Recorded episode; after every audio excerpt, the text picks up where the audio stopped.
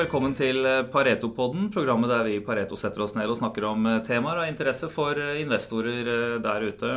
Vi har kommet til episode 20, så det er nesten et jubileum. Og da er jeg glad for at jeg i studio har fått med meg vår fra Sjømatteamet, Carl Emil Kjølås Johannessen. Takk for det. takk for det. Og Du er, har vært innom meg før. Vi har snakket om fisk, og man kunne jo snakke om fisk lenge. Det er nesten så vi burde jo servert en liten rett her også når vi er i gang. Men men eh, grunnen til at jeg tok, eh, tok, deg inn her i dag, er jo at eh, du nettopp er tilbake fra gjennomføringen av North Atlantic Seafood Forum. Det er en, en drøy ukes tid siden i, i, Bergen. Og etter det så har du vært rundt omkring i verden for å snakke med ytterligere investorer. Stemmer. Jeg var selv også på dette North Atlantic Seafood Forum, og det, det har jo blitt veldig stort. Kan du, kan du først si litt om hva det, hva det er? Ja, altså det er jo et seminar eller et forum for næringen hovedsakelig. Eh, hvor vi også har en, en, del ting for investorer. Så det er en samling av eh, CEOs, CFOs, eh, beslutningstakere i alle de store sjømatselskapene egentlig i verden, med fokus på de som da har noe med North Atlantic å gjøre. Så da typisk lakseselskaper, men også pelagiske selskaper som fanger villfisk, og hvitfiskspillere som fanger torsk, og osv. Og så har vi også da en del investorrelaterte ting med presentasjoner av noterte selskaper. Eh, hvor vi i Pareto inviterer våre kunder. Eh, og i år var det faktisk rekordhøy eh, deltakelse blant investorer. Vi brukte opp alle våre plasser. Mm. Um, så det har blitt en veldig bra møteplass som næringen tror jeg er veldig fornøyd med, hvor man får møtt de riktige personene. og det veldig høy kvalitet på, på, de deltakerne som er til stede. Ja, jeg må jo si det selv også når jeg sitter her i, i salen, at man, eh, man får jo en, en, veldig god oversikt over eh, bransjen. Eh, både om man skulle vært bransjeaktør og sett liksom hva gjør de andre, hvilke initiativer er det som, som foregår for, for, vekst og utvikling her, men, men også fra investorsiden, da, hvor jo alle selskapene som er børsnotert, er oppe og, og presenterer, og, og, gjerne da velger Det er ikke en sånn typisk fjerdekvartalstallspresentasjon, men, men tematiske presentasjoner innen innenfor ting de driver med, og utviklingstrekk på, på bransjen. Ja.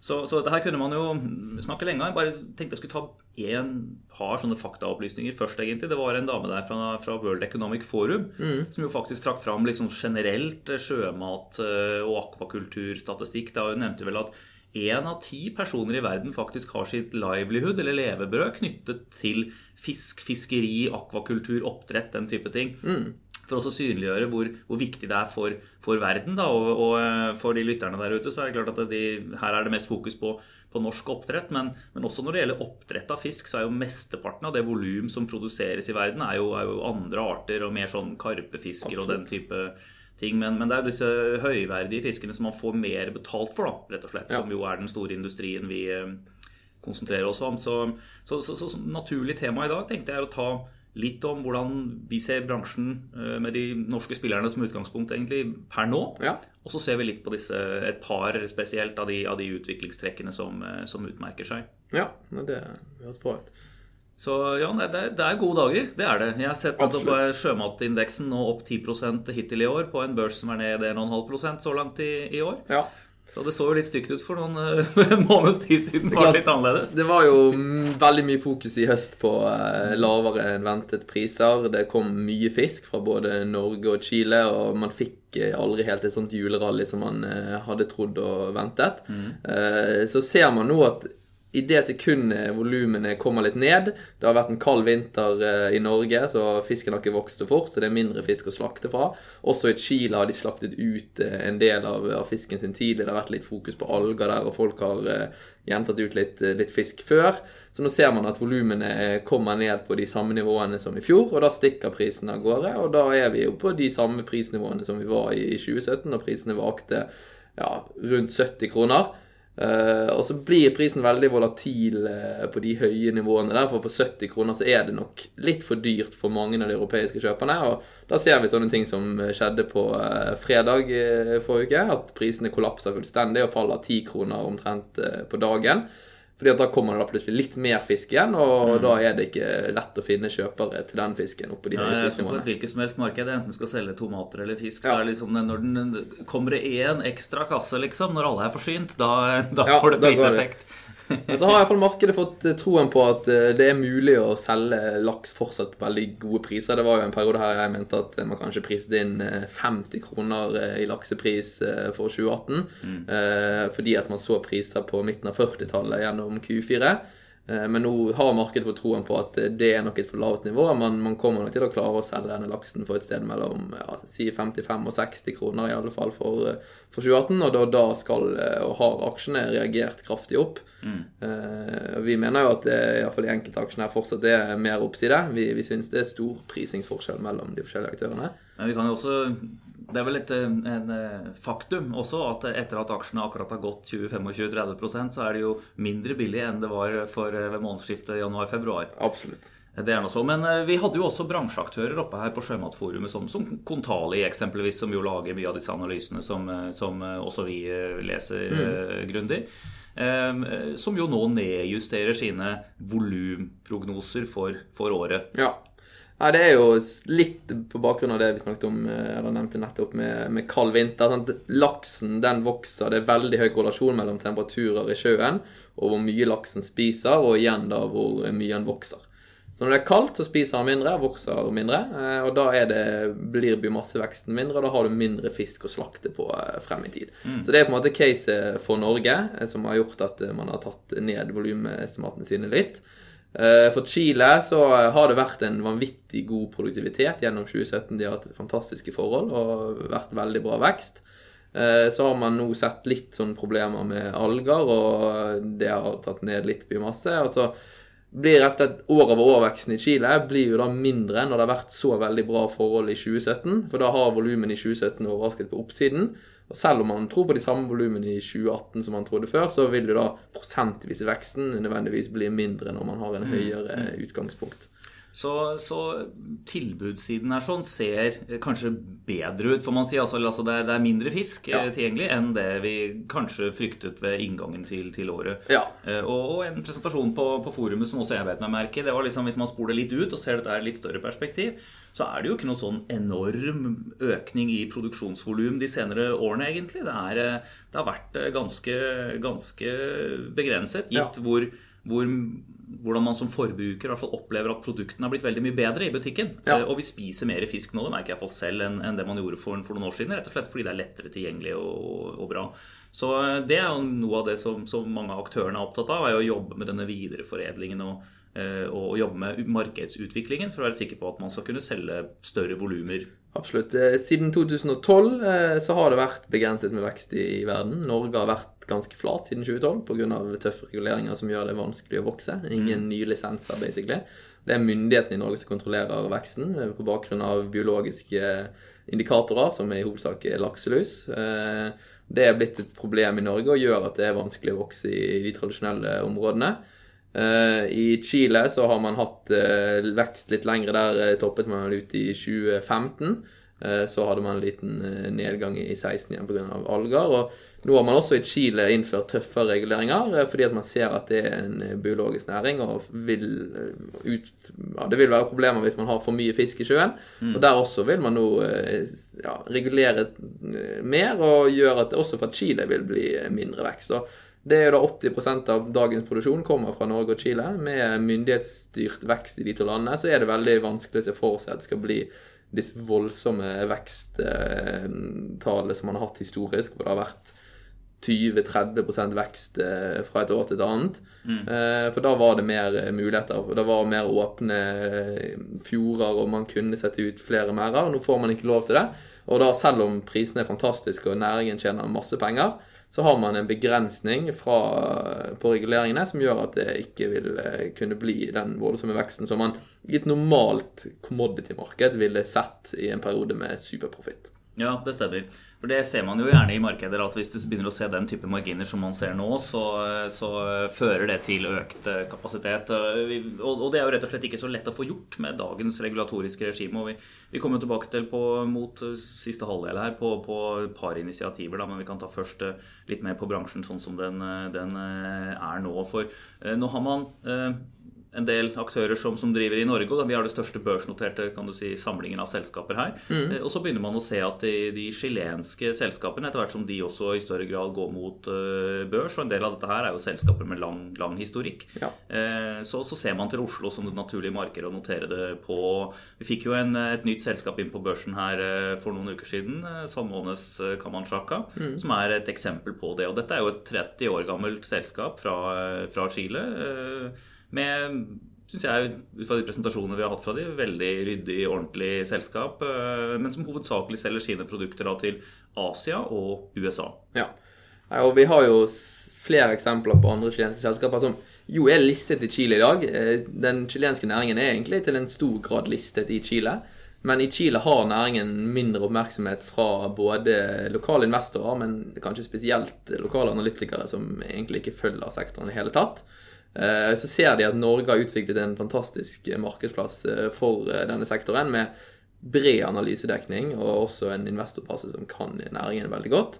Og med dagens teknologi så er det ikke noe problem å kjøpe og selge aksjer hvor som helst i verden. Og da ser man at det kan være lurt og mm, kanskje mer naturlig å liste seg i Norge, hvor man da vil få en uh, mer oppmerksomhet. Man ser f.eks. Kamanshaka nå, så er det tre analytikere som nå har tatt opp dekning. Det vil sikkert komme flere etter. Uh, da får man nok i teorien en bedre og riktigere prising av, av aksjen eh, på sikt, når investorene skjønner mer av hva selskapet driver på med.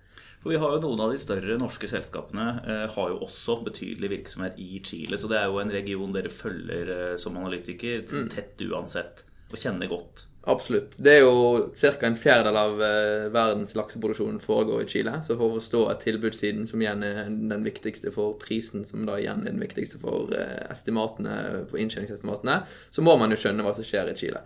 Så vi drar jo typisk til Chile en gang i året. Vi snakker veldig mye med de chilenske selskapene, men også med de norske. Som Marine Harvest det er jo det største selskapet i Chile i forhold til antall lisenser. De har ikke hatt så god utnyttelse av lisensene, så på produksjon så er de en ja, topp fem-spiller eh, i alle fall.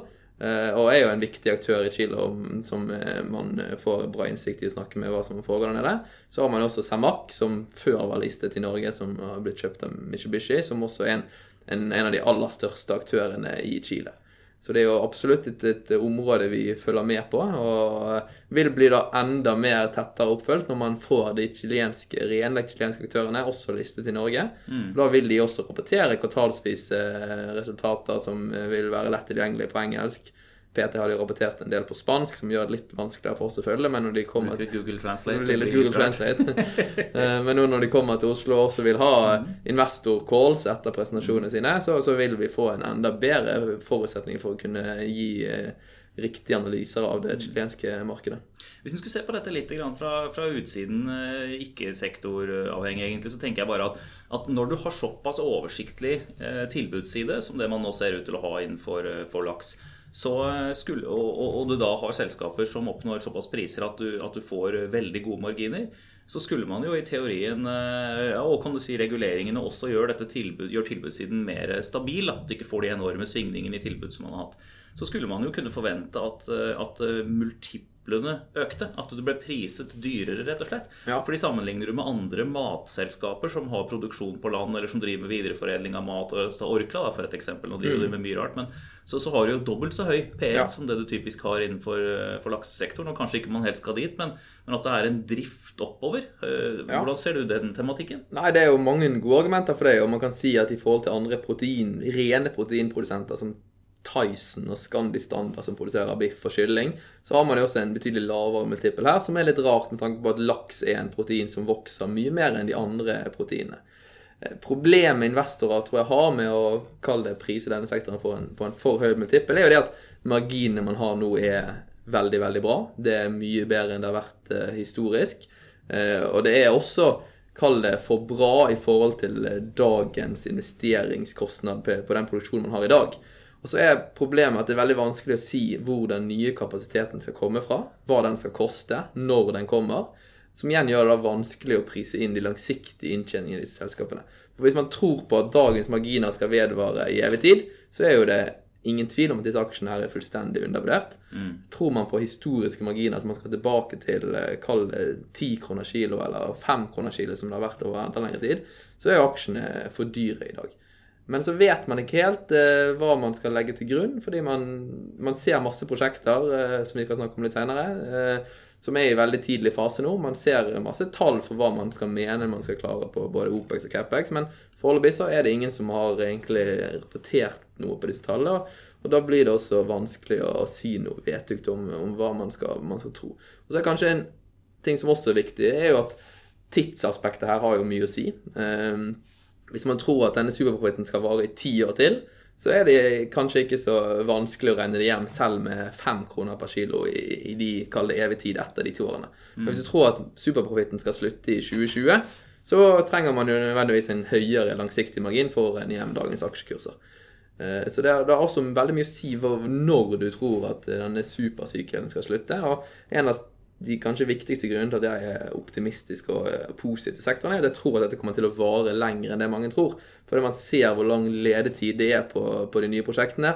Og man vet også hvor mange tusen tonn, for ikke snakke om titalls tusen tonn, som trolig trengs for å bare fylle den etterspørselsveksten som man forventer. Mm. Og hvis man da i tillegg skal klare å klare det knekke prisene ved å få en for høy tilbudsvekst, så trengs man jo da nødvendigvis enda mange flere tusen tonn. Uh, og det er veldig vanskelig å se for seg, i hvert fall i mitt hode, i, i de nærmeste fem til ti årene, at uh, man skal klare å få mm. produsert. Hvis vi hopper litt fra eh, tilbudssiden, da, som jo nå ser er sist, i hvert fall sånn som næringen er strukturert i dag, så ser den veldig ryddig ut. Så, så, var jo fokuset fra mange av selskapene som presenterte, var jo etterspørselssiden. Ja. Eh, og der er det jo to ting å, å, se på spesielt. Det ene er liksom graden av, av utvikling av eh, produktene. Eh, og det andre er utvikling av markeder. Eh, og, hvis vi tar det siste først, så, så, var det jo et veldig interessant innlegg der, syns jeg, fra, fra eh, jeg kan si den internasjonale sjefen til Alibaba. Ja. For de som ikke kjenner Alibaba, så er jo det, det er vel det største internettselskapet i, i, Kina. Veldig sammenlignbart med Amazon og den type selskaper i, i, USA, egentlig. Som på en måte er totalt integrert, selger alt mulig og har en en kjempeplattform for, eh, hvor både selskaper kan selge business to business og business to consumer. Så du kan tenke deg et, et Finn eh, med et online kjøpesenter ikke sant, eh, på. Og jobben hans var jo da, som canadier for øvrig, var jo både å ta konseptet til Alibaba ut i verden, men også da å, source varer inn til Kina. Og han gikk jo grundig gjennom og viste video på deres butikker i, i Shanghai bl.a. med da sjømat. Og hvor populært sjømat var. Fersk, helt fersk, gjerne levende sjømat, eh, var for kinesere. Og enorm betalingsvilje der sånn i den eh, middelklassen. Og han eh, sa vel nærmest til liksom, hakeslepp for mange av de norske at hvis de kunne levere, garantere at de kunne levere liksom, rene produkter eh, og, og, så ferskt som mulig, så kunne han ta det de kunne levere. Ja. Nei, det, det, det Man har hørt mange ja. Sjømatrådet òg, som er på en mm. måte bransjeorganisasjonen sitt, kall det salgsledd, mm. eh, har jo også vært til stede i Kina. Og de har jo kommet med veldig positive prognoser om hva det kinesiske markedet skal kunne absorbere av norsk laks. Og Kinesere er jo veldig interessert i å få trygg mat, eh, og de stoler mer på maten som er produsert i utlandet, enn den som er produsert i, innad i Kina. Og Norge som et veldig sånn, eh, langt vekk, rent land med en god eh, persepsjon, er jo da et marked som man kan se for seg at de kunne klare å levere betydelige volumer til Kina. Og Det har jo vært stengt i noen år der, der etter, av diverse grunner, men, eh, men, så har man jo nå begynt å se eksporten igjen. Og selv ja. om den er veldig liten, så vokser den jo enormt raskt og har overrasket, skjønner jeg, på, på oppsiden. Ja, det, har jo, det kom jo veldig fort opp på et sånn relativt mye høyere nivå enn det det har vært de siste årene. Og hvis vi ser på en run rate ukeeksport nå, så er man kanskje på en 25 000 eh, tonn til Kina fra Norge. Setter det i perspektiv, så er jo norsk produksjon ca. 1,2 millioner tonn. Så fortsatt snakker vi jo små volumer her i forhold til totalnorske eh, eksporten. Men eh, hvis veksten fortsetter, og man, som man snakker om kanskje kan komme opp i 250 000 tonn i total etterspørsel fra Kina i 2025, så, så begynner det virkelig å slå på, på etterspørselssiden. Du fyller noen dreamlinere for Norwegian. Du gjør det. for, det, for dette er ting man, man flyr det inn, rett og slett, altså til Ja, den, I hovedsak så blir jo den norske laksen i Kina konsumert fersk på restauranter, sushi osv. Og så videre, også selvfølgelig i høyende retail-butikker. Og da må man fly den. Eh, hvis du skal sende det med båt, så må du fryse det, og da blir det et litt annet eh, segment. Mm. Og den ferske laksen må da selvfølgelig på fly, og eh, det er jo da en, et kapasitet-issue etter hvert, at du må ha nok flykapasitet. og For eksempel så ser vi jo at Avinor skal bygge en ny terminal på Gardermoen kun for egentlig å frakte sjømat ut i verden. Både laks og også andre arter. Man flyr f.eks. levende kongekrabbe fra nord i, i Norge til Asia. Mm. Eh, og det er jo man ser en vanvittig eh, vekst i etterspørselen i eh, både det asiatiske, men også til en viss grad det amerikanske markedet. Det blir litt av noen forsyningslinjer som utvikler seg etter, etter hvert. Dette, dette, er jo interessant, og selskapene er for så vidt selvfølgelig opptatt mye av dette her. fordi at du må, du må bygge et marked. Eh, og, og, det ser man jo også har blitt eh, bygget og endret betydelig nedover i Europa etter hvert som man har fått disse produktene som vi ser i butikkene her, ikke sant, som er lettere tilgjengelig for, ja. for forbruker, og, og, som kan sikre mer stabil etterspørsel og kanskje bedre priser. Og, men, eh, men, jeg bet meg også merke i at, at, sjefen for Austevoll var der oppe og, og sa og viste en slide på at at fremdeles så er det liksom en veldig stor porsjon eh, av den norske eksporten som går over grensene med minimalt av value add. Altså ja. det, det, er rett og slett det er hel fisk som ja. sendes ut, og så videreforedles det eh, ute. Det er jo nok flere grunner til. Historisk så har jo det vært krevd veldig mye eh, arbeidsinnsats av mennesker for å lage disse produktene. Man må ha stå én og én person og filetere fisken og få ut beinene. Og norske lønninger er som vi vet veldig mye høyere enn det de er i resten av verden. Så da har basically all eh, laks, og også hvitfisk og pelagisk fisk, blitt sendt til både Asia og til, også til EU og i typisk Polen og eh, baltiske landene for å bli prosessert. Eh, nå begynner jo teknologien å komme såpass langt at nå kan nesten maskiner gjøre hele jobben med å få ut bein og lage disse filetene og porsjonene som man finner i butikken. Mm. Og da er det jo klart mer aktuelt å ta dette tilbake til Norge. Så har det jo selvfølgelig da blitt bygget ut en hel industri, spesielt i EU er jo foredling av fisk en stor industri. Og det er litt vanskelig også for de norske spillerne å, på en måte ta vekk fisken fra denne industrien her, for de har jo tross alt sitt levebrød med å prosessere den fisken. Så det er litt sånn toegget det problemstillingen der, hvordan man skal få mer prosessering i Norge og sånn sett skape flere arbeidsplasser i Norge, kontra det at man da faktisk tar vekk arbeidsplasser eh, fra Europa. Mm. Eh, og siden Norge ikke er med i EU, så er det ikke bare enkelt heller å på en måte skulle kreve at eh, vi skal prosessere alt i vårt eget land og bare sende de ferdige produktene til EU. Nei, det stemmer nok. Men, men, noen av de norske spillerne eier vel også uh, nedover i leddene i kjeden Absolutt. i Europa? Så, så, det er jo på en måte blitt deres måte å, å ha det inhouse-prosessering. er jo at Lerøy har mange fabrikker rundt om i Europa, både i eh, Spania og eh, Frankrike, Nederland. Uh, Marine Harvest kjøpte jo det største prosesseringsanlegget i hele verden for å få laks, Morpol, tilbake i 2013, som har en gigantisk fabrikk i i Polen, som er en av de største kjøperne av laks. Eh, så sånn sett er jo spillerne integrert i nedstrømsvirksomheten. Det er bare at selve prosesseringen skjer i, i, Europa, eh, og ikke i Norge. Men det er jo norsk eiere og norsk laks som går nedover der. Mm. På den pelagiske delen så, så er det nok der er man nok ikke vært like flink på å integrere innad i selskapene. Og der sånn som Austevoll, som selger en del uh, pelagisk fisk fra, fra Pelagia som Bare skyte til at uh, pelagisk fisk er, da, det er, vilt, det er vilt fanget, ikke sant? Altså ja, god gammeldags ut og fiske fisk. Som svømmer i stim. så typisk makrell, sild Jeg som er fra Innlandet, skjønte jo ingenting av det før. Nei. Så man skiller da mellom pelagisk fisk, som er de som svømmer i stim, og så er det da hvit fisk, som er typisk torsk, sei, hyse. Ja. Eh, så Austevoll eh, Seafood, eh, som er eieren som heter Pelagia, som er en av de største aktørene innen pelagisk fisk, de driver da mye med makrell og sild osv. Og, og der selges det fortsatt veldig mye bare helfisk, som ikke Pelagia gjør noe med selv. Eh, til Europa og også til Asia. Eh, og der er det mye potensial. Reetablering av sildeindustri i Stavanger med Bjelland hermetikk, og det, det, det, ligger ikke som det første på lista di, tror du? Nei, jeg, har ikke det i estimatene mine, for å si det sånn. Men uh, mulighetene er nok store på den plagiske industrien. Og det er jo en råvare som det ikke blir så veldig mye mer av, for det er jo villfangst, og der er det kvotebasert basert på mm. mye fisk som er i sjøen. og det blir ikke så mye mer av det. Så der må man gjøre videreutvikling, for, eller videreforedling, for å fortsette kalle verdiøkningen. Av, ja, for nettopp. Vi får ta det som et tema siden, fordi det, det var jo for så vidt også oppe her eh, at, eh, at fangstene jo, altså, har jo vært veldig gode. Det har vært veldig god fangst de senere årene. Og det var jo en fra Havforskningsinstituttet der som tok opp dette i relasjon til klimaendringer. Og veldig, veldig kortversjonen av det er vel at eh, det ser ut til å bli bedre forhold for villfisk i våre områder kan du si da, enn det det har vært uh, før. Så i hvert fall ikke noe dårligere. Men, men vi, vi, får ta det som tema en annen gang. Når det, når det da gjelder tilbudssiden uh, Du kan si videreforedling, alt dette her. Dette var, det var mye teknologileverandører og sånn som også viste sine ting, så vi skal ikke gå i detalj på det. Men, men et par ting å ta frem på, på tilbudssiden, og det er disse nye initiativene for, for næringen. Fordi den per nå ikke kan vokse veldig innenfor, på den samme type anlegg som man det har, har, har hatt historisk.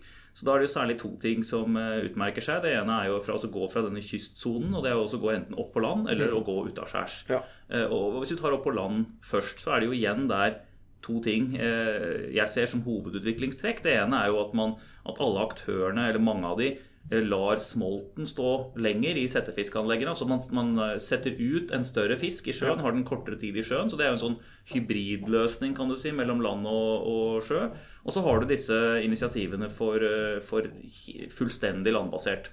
Ja. Så, så, kan du si litt om de tingene her? Ja, Vi kan jo begynne med, med land, og så ta det, kall det fra, fra smolt til full matfisk. Mm. Så historisk har jo smolten, som er den lille fisken som tar til sjøen, vært rundt 100 gram. Det er på en måte det billigste måten å gjøre det på. Eh, da slipper man å bygge så veldig store anlegg på land, og fisken vokser veldig bra i sjøen eh, fra 100 gram. og så har det blitt den, den, den, måten å gjøre det på. Så ser man at uh, både det at man har produksjonsbegrensninger, som gjør at man gjerne vil ha mer av biomassen sin på land For det, produksjonsbegrensningen i Norge er på hvor mye biomasse du har i sjøen. I sjøen. Så hvis du tar litt av den biomassen opp på land, så vil du da totalt sett få mer biomasse. Som vil gi gi dem mer produksjon. Uh, I tillegg så ser man jo at uh, biologiske problemer som lakselus, PD uh, spesielt, typisk skjer mot slutten av produksjonsperioden. Og det er da iallfall PD-problemene blir størst. Når det voksen fisk i sjøen. Ja, ja, en, og ved å kurte ned tiden i sjøen, så forventer man at disse problemene skal bli mindre. Og det kan man gjøre da ved å produsere fisken større plan. Så da må man bygge ut disse smoltanleggene sine.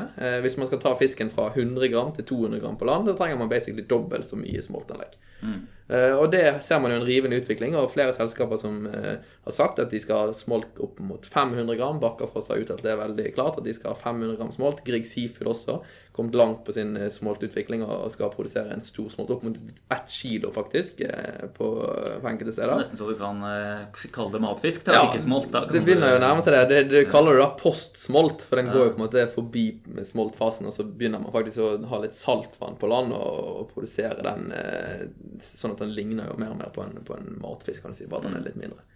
Uh, og da vil man ta ned den biologiske risikoen i sjøen, og samtidig som man vil klare å øke produksjonen sin litt ved at man har litt av produksjonen på land.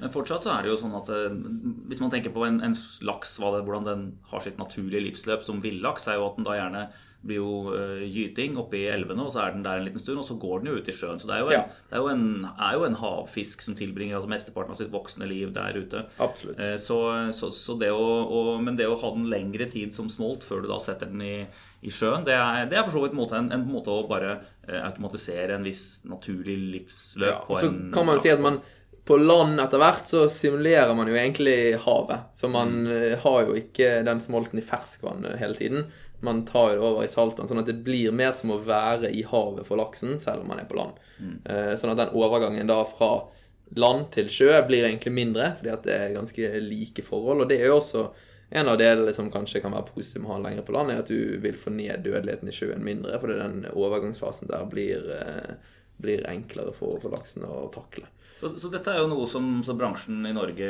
driver med en del ja. nå, nettopp for å kunne øke sin egen produksjon. Men man snakker jo da fortsatt om å sette det ut i de anleggene som er som de er i dag. Ja. Men, men, så har man jo da noen aktører som, eh, som vil gå all the way. Eh, og ta eh, fisken helt fram til ferdig slaktevekt ja. på, på, land. Absolutt. Og det finnes mange aktører, og det finnes masse eksempler. Vi har lagd en liste over alle de landbaserte aktørene i verden, og den begynner å bli veldig, veldig lang. Ehm, det er alt fra Asia til Norge til eh, USA. Ehm, fellesnevneren for de aller, aller, aller, aller fleste er jo at det er kommet veldig kort, og at det er foreløpig et konsept. Men det var en aktør som var på seminaret vårt. Eh, ja, Atlantic så, så presentasjonen til Atlantic Sapphire. De holdt en veldig god presentasjon ja. på, eh, på, seminaret. Kan du oppsummere? Så de, de, de, er jo kanskje det mest ledende selskapet innenfor det å ha matfiskproduksjon på land. De har hatt et anlegg i Danmark siden ja, 2007, er det vel? Mm. Uh, ja, litt senere, kanskje. Men jeg har iallfall produsert fisk på, på land der uh, over mange år. Uh, har hatt utfordringer underveis og slitt med alt mulig fra kjønnsmodning, som typisk er at laksen slutter å vokse litt, hatt dødelighet uh, osv. Men har fått til å produsere en, en stor fisk på land. Og nå skal de da bygge et større anlegg i USA. Eh, hovedgrunnen til det er jo at ved å produsere i markedene, så slipper man en del frakt. Vi snakket om denne flyfrakten eh, tidligere, som er betydelig. Eh, kanskje så mye som 15-20 kroner per kilo. Ved å produsere da i disse oversjøiske markedene, typisk USA og Asia, hvor man ikke har noe innenlands lakseproduksjon, så vil man jo spare mye frakt. Ja, sa det, han sjefen på, for Atlantic Sapphire som holdt den presentasjonen, at når For det, var jo, det er jo Miami de bygger dette anlegget. At han kunne jo da sette en, en ferdig fisk på en lastebil, og så var den i New York morgenen etter. Ja. Eh, og da, da, Det er jo samme type eh, konsept som det vi har herfra og til Europa. rett og slett. Ja, rett og slett. så, så det er jo ingen nytt i det. Men, eh, men det, det å da ha landbaserte anlegg, det, det er jo to ting jeg fra utsiden tenker på med en gang. da. Det ene er jo at eh, du kan i teorien sette det hvor du vil. Så da setter du det jo nærmere markedet ditt. ja. Eh, Og det kan være en game changer i bransjen. Eh, Det andre er jo at dette må jo føre til en høyere energikostnad. Ja. Fordi du skal pumpe vann ut og inn og opp og ned og, og rense og den type ting. Eh, Så, så det vil jo fjerne en del biologiske problemer, altså med sykdom og lakselus og den type ting. Men, men du får en høyere energikost. Ja. Men så veies den da opp mot denne flyfraktbiten, ikke sant. Så du kan si at i en optimal verden hvor man i sjø ikke har disse store biologiske problemene relatert til lakselus, så vil det være den billigste måten å produsere på. Du har mye mindre investeringskostnader, for det er veldig mye billigere å bare kjøpe en mer med, med dette nettet og en fòrflåte, enn det å bygge et anlegg på land. I tillegg så sparer du deg den energikosten som som er betydelig, men det er ikke ekstreme nivåer. Kanskje en fire-fem kroner per kilo. Eh, kommer litt an på hva strømprisen er i det markedet. Så det er faktisk også viktig å ta hensyn til når du skal bygge på land. At det ikke må være for høye strømkostnader. Men så er det da som du sier, så sparer man disse 15-20 kronene i frakt. Så når man får til produksjonen på land, så vil det nok være den billigste måten å produsere på i selve markedet. Eh, Men så har det vist seg å være ikke bare lett. Eh, Du har jo da fisken på land i to år ca. Og hvis noe går galt i løpet av de to årene, så blir det fortalt. Og spesielt sånn som alle de landbaserte anleggene er i dag, så er det typisk små anlegg som har ett vannsirkuleringssystem. Så basically all fisken i anlegget går på det samme vannet. Så hvis noe skjer med det vannet, så blir det fortalt for hele produksjonen din. Det hadde jo de tilfellene av i Danmark, hvor jo all fisken døde døde når den ikke skulle det. Ja. For ellers er jo dødeligheten for fisk 100 når man kommer til the end of the line. Det kan du si. Men hvis fisken, fisken dør for liten, så er verdien av den Hvis den dør før han er tre kilo, basically, eller egentlig hvis han dør, så er han verdiløs, for du kan Ja. ikke selge en død fisk. Men hvis du må slakte fisken når han er veldig liten, fordi du får noen problemer, så, så eh, får du egentlig ikke solgt den til en særlig god pris. Så eh, det man ønsker selvfølgelig nå, er å bygge et mye større anlegg. Ha mange flere uavhengige vannsystemer. Som gjør at man tar ned risikoen kan du si, i hvert eneste system. Eh, og at i et scenario hvor noe går da gale i en av disse seks systemene som skal være i Miami, så har man tross alt fem andre hvor man fortsatt kan produsere og, og slakte fisk fra. Mm. og da vil man etter hvert, som man også kan bygge dette anlegget enda større, bli litt mer som en vanlig lakseoppdretter, som typisk har mange forskjellige siter rundt omkring eh, langs kysten. Og Marine Harvest har vel jeg tror 90 sider eller noe sånt i, i, i Norge. Eh, og da klart at selv om noe skjer på én av de 90, så er ikke det ikke en krise for selskapet generelt sett.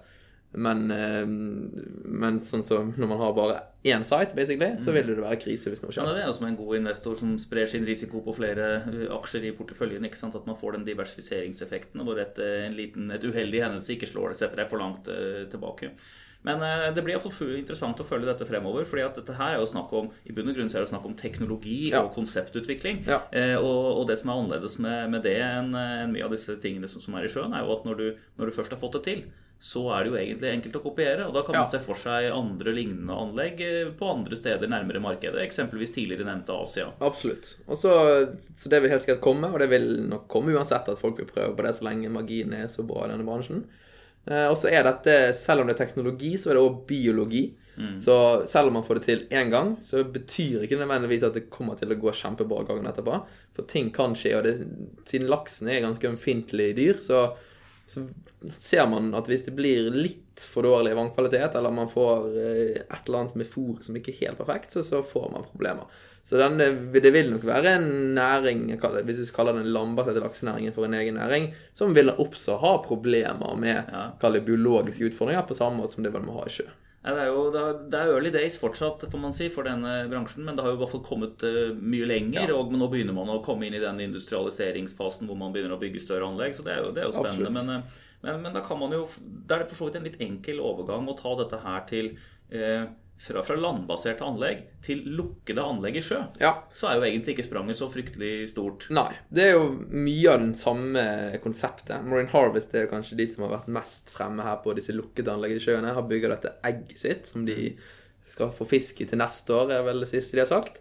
Eh, hvor man basically da har et, en slags tank eller et basseng som er helt lukket i sjøen. Pumper vannet opp fra 30-40 meter. Eh, som er da fri for lakselus, f.eks., og også fri for mye sykdommer, fordi det vannet der nede det er, det er ikke der eh, problemene er.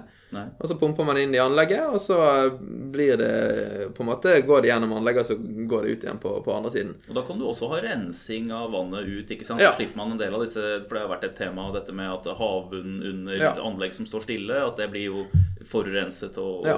lagt, og at det også vil spre seg kan du si, laksesykdommer og den type ting. Eh, helt fra sidelinjen faktisk så hadde vi et selskap på besøk her for en ukes tid siden, Scanship. Som jo tradisjonelt driver med liksom rensing av eh, kloakk og systemer og den sånne ting for eh, cruiseskip eksempelvis. Eh, som også nå driver med energigjenvinning på det. Eh, de så på akvakultur som et betydelig vekstområde nå og begynte å få ordrer innenfor det, som nettopp var lukkede anlegg i, i sjø i all hovedsak. Ja, Så man vil jo da kunne samle opp all eh, avføring og fòrrester osv. Og, så videre, og, og også bruke det til For det er jo energiinnholdet der, som det er jo ikke verdiløst det heller. Ja, nei, Det ble lagd, eh, ble lagd fertilizer, hva heter det igjen? Gjødsel. Gjødsel, ja. Eh, Mm. Og den type ting av det. Og, og også at man hentet inn igjen en del av den energien som kom eh, ved at man måtte pumpe vann. ikke Ja. sant? Så det er jo Også her er selvfølgelig investeringskostnadene litt høyere. Det koster mer å bygge disse litt mer fancy lukkede anleggene. Så har man selvfølgelig litt energikost med å pumpe dette vannet gjennom anlegget. Men så er det jo det som er det største problemet med alle disse lukkede systemene, er jo at hvis det først kommer noe bugs inn i systemet, så er det mye mer fatalt. For da blir det liksom værende der, og det påvirker all fisken. Og man har sett det finnes mange eksempler på lukkede anlegg opp gjennom årene som har vært testet ut. og det har typisk kommet ja, alt fra maneter i inntaksvannet som har gjort at det har blitt dårlig med oksygen inni, inni merdene. Og det noen som hadde fått lakselus inn fordi at det hadde skvulpet over eh, kanten. Og det er ting som skjer som i lukkede systemer som har større innvirkning enn de har i de typisk åpne merdene, hvor alt typisk bare ja, svinger igjennom, eller strømmen bare tar med seg alle, alle problemer. og selv om man også har biologiske problemer der, så er det gjerne ikke så fatalt når det, når det skjer noe. Det er iallfall mange, mange konsepter som testes ut nå. og man ser jo, Jeg tror vi kommer til å se mer av den type ting eh, fremover. Men, men avslutningsvis da, så kan vi jo ta et eh, Det var en annen ting som også ble godt mottatt så ja, investorene der, og aksjen gikk som en kul etterpå. Så vi får tro at flere tenkte det samme som meg når de satt i salen. Jeg satt der og tenkte dette her, dette har folk, kommer folk til å få lyst til å kjøpe. Eh, Men det var jo SalMar. Ja. Som jo har en av de som har disse nye forskningskonsesjonene, altså nye Ja. konseptene som testes ut. Og de har en, en, en havmær, som egentlig er et anlegg ligner litt i konsept på det som, som ligger innaskjærs nå, men som er mye større, mer robust, og så kan man da ta det utaskjærs. Ja. Som jo er der hvor laksen naturlig går når den kommer ut av elva. Ja, eh, så de har jo da var, Er det selskapet som først fikk disse her eh, utviklingslisensene? Eh, har fått 80 stykk eh, for å bygge denne offshore-merden. Ble bygd i Kina, slept til Norge, utstyrt her med, masse high-tech-utstyr. Ligger nå offshore En, en olje, oljearbeider ville nok ledd hvis vi kalte det for offshore. For det, det ligger tross alt inne i Frohavet, som det heter. Men det ligger mye mer eksponert enn det en vanlig mer. Det ligger eh, mye lengre fra land. eh, Og sånn sett er det mye mer utsatt for, for tøffe bølger. Og det skal tåle mer bølger også enn en, en vanlig mer. Eh, Og klart på sikt så kan man jo se for seg at det kanskje kan bli enda mer offshore. Uh, og Fordelen er jo selvfølgelig at det ligger lengre vekke fra andre anlegg, så det har mindre påvirkning i forhold til uh, lakselus og sykdom. Eh, og også ved at det ligger lengre fra land, så er det enda mer strømninger i vannet, og vannet blir skiftet ut fortere. Eh, så problemer som eventuelt er der, blir fortere svingt vekk. Eh, og vi har sett De har jo hatt litt lakselus i den, i den merden, for det er jo lakselus overalt overalt i, i havet. Eh, Men at det har vært mye mye mindre press fordi at det har ligget så langt vekke fra andre anlegg. Og de har klart å håndtere den lille lakselusen, lakselusen de har hatt, med, med rensefisk, da, rett og slett. Ja, Det var i hvert fall imponerende størrelse på anlegget. Det var 68 meter høyt eller noe sånt. Dette her som Ja. han uh, satte i, i sjøen med en kontrollenhet på toppen. Og han sa så satte vi en million fiskere, da. Ja. Så det er jo ikke, det er jo, Nei, det det, er ikke småtteri. det blir noen tusen tonn av det. Ja. Eh, Så det skal jo begynne å slaktes nå i, i Q3, kanskje Q4 iallfall.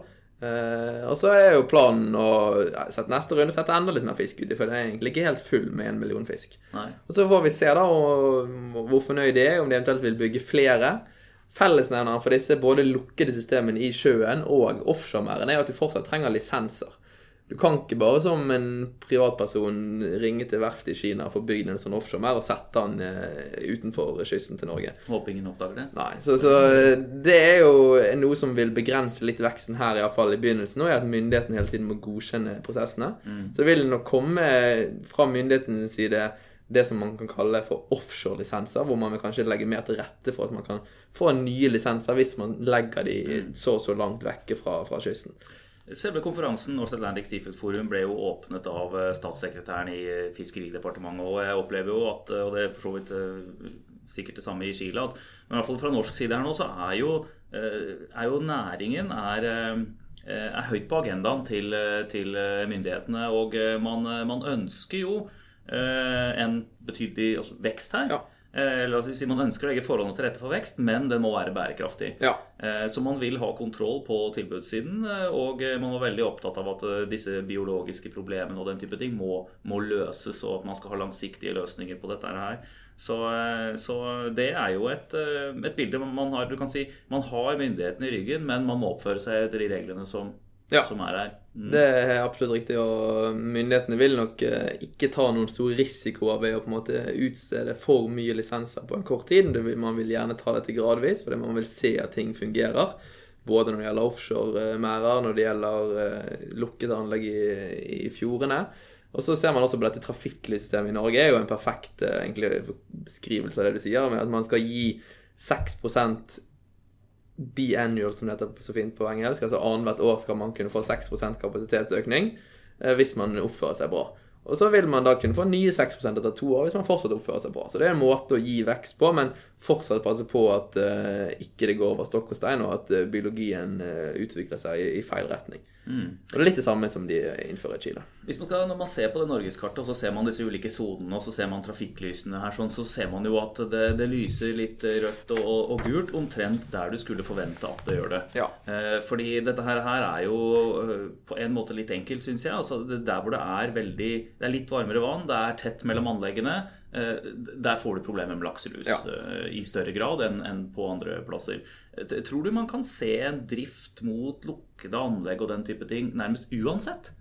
For å unngå en del av disse problemene her, etter hvert som prisen på kan du si, eh, de, de nødvendige tingene der kommer ned. Og det går jo an å gjøre dette enklere med kan du si, gummiløsninger enn at man skal drive og bygge eh, helt uh, svære egg og den type ting. Jeg vet ikke. Ja, nei, man, man vil nok sikkert se en, en, en mer utvikling av Kall det konsepter som gjør biologien bedre. Man, man ser også at ut, oppdretterne utstyrer sine vanlige merder med mer teknologi, og man har det som heter luseskjørt, som man kler rundt hele merden for at lusen ikke skal komme inn. Så Så er man, det plutselig halvveis ja, anlegg. så man begynner jo å edde på mm. det investering også på de vanlige merdene for å ta ned disse biologiske utfordringene. Så man møtes jo litt, eh, men så er det hele tiden det fokus på at for laksen sitt vel og ve så er det veldig viktig at det er gode oksygennivåer i tanken, det, eller i, i anlegget, og det er viktig at det, liksom, det, da må det være utskiftning av vann hele tiden. og Det har vist seg vanskelig foreløpig med de lukkede anleggene, men det vil man sikkert få til. og Da,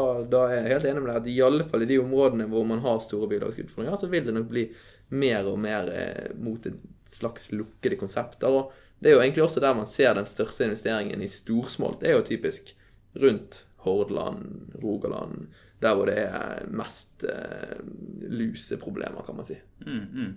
En ting er sikkert, eh, det blir mye spennende å ta tak i for denne sektoren her eh, fremover. Eh, Det var stor entusiasme og interesse rundt North Atlantic Seafood Forum. Jeg må jo si at for det er vel enda større enn den oljemessen vi pleier å ha oppe i, oppe i Holmenkollen her hver høst. Ja, det er iallfall på antall deltakere. Så tror jeg det kan iallfall konkurrere. Så det er litt annerledes konferanse, men En helt annen type, men det er, veldig spennende, tror jeg, for det de som er er iallfall en enorm market cap på selskapene innen sektoren her også. Akkurat Det begynner det å bli. innenfor, eh, innenfor eh, olje og, og energi. Og, eh, og eh, dette her har stor oppmerksomhet i, både blant investorene og myndighetene der ute. Og, og utvalget av selskaper er, er stort. Så eh, får jeg bare si fra til dere der ute som, som lytter. Vi- kommer helt sikkert til å snakke mer fisk fremover mange ganger. Det er mye temaer å ta tak i her. Eh, Du kan eh, lese både sektoranalyse på fisk og enkeltanalyser på de enkelte selskapene inne her. På, på våre kundeweb. Og så har du jo også en ukentlig oppdatering vel, som heter Seafood Weekly. Yes. Pluss at det kommer stadig oppdatering på fiskeprisene. ja, ukentlig det også. Så to ukentlig, egentlig. En, en på litt mer eh, fyldig informasjon og litt mer eh, grafer og mm, ting og tang, og en som basically er priser med hovedvekt på denne sportprisen, som folk bryr seg veldig mye om. Og Dette ses jo og leses av en del, og får man, sitter man som, som også privatkunde der hos oss, så får du jo denne informasjonen samtidig som de store aktørene ute i verden. Og jeg, det, jeg vil tro vel, uten at jeg kan ta ha detaljene på det, at det, det er flere som leser Seafood Weekly enn eh, Fertilizer Weekly, som vi også lager, som er et produkt for de spesielt interesserte. Kommer hver fredag. Men, men, nei, men da sier jeg tusen takk til Karl Emil Kjølås Johannessen eh, for eh, bra fiskeoppdatering. Takk, takk.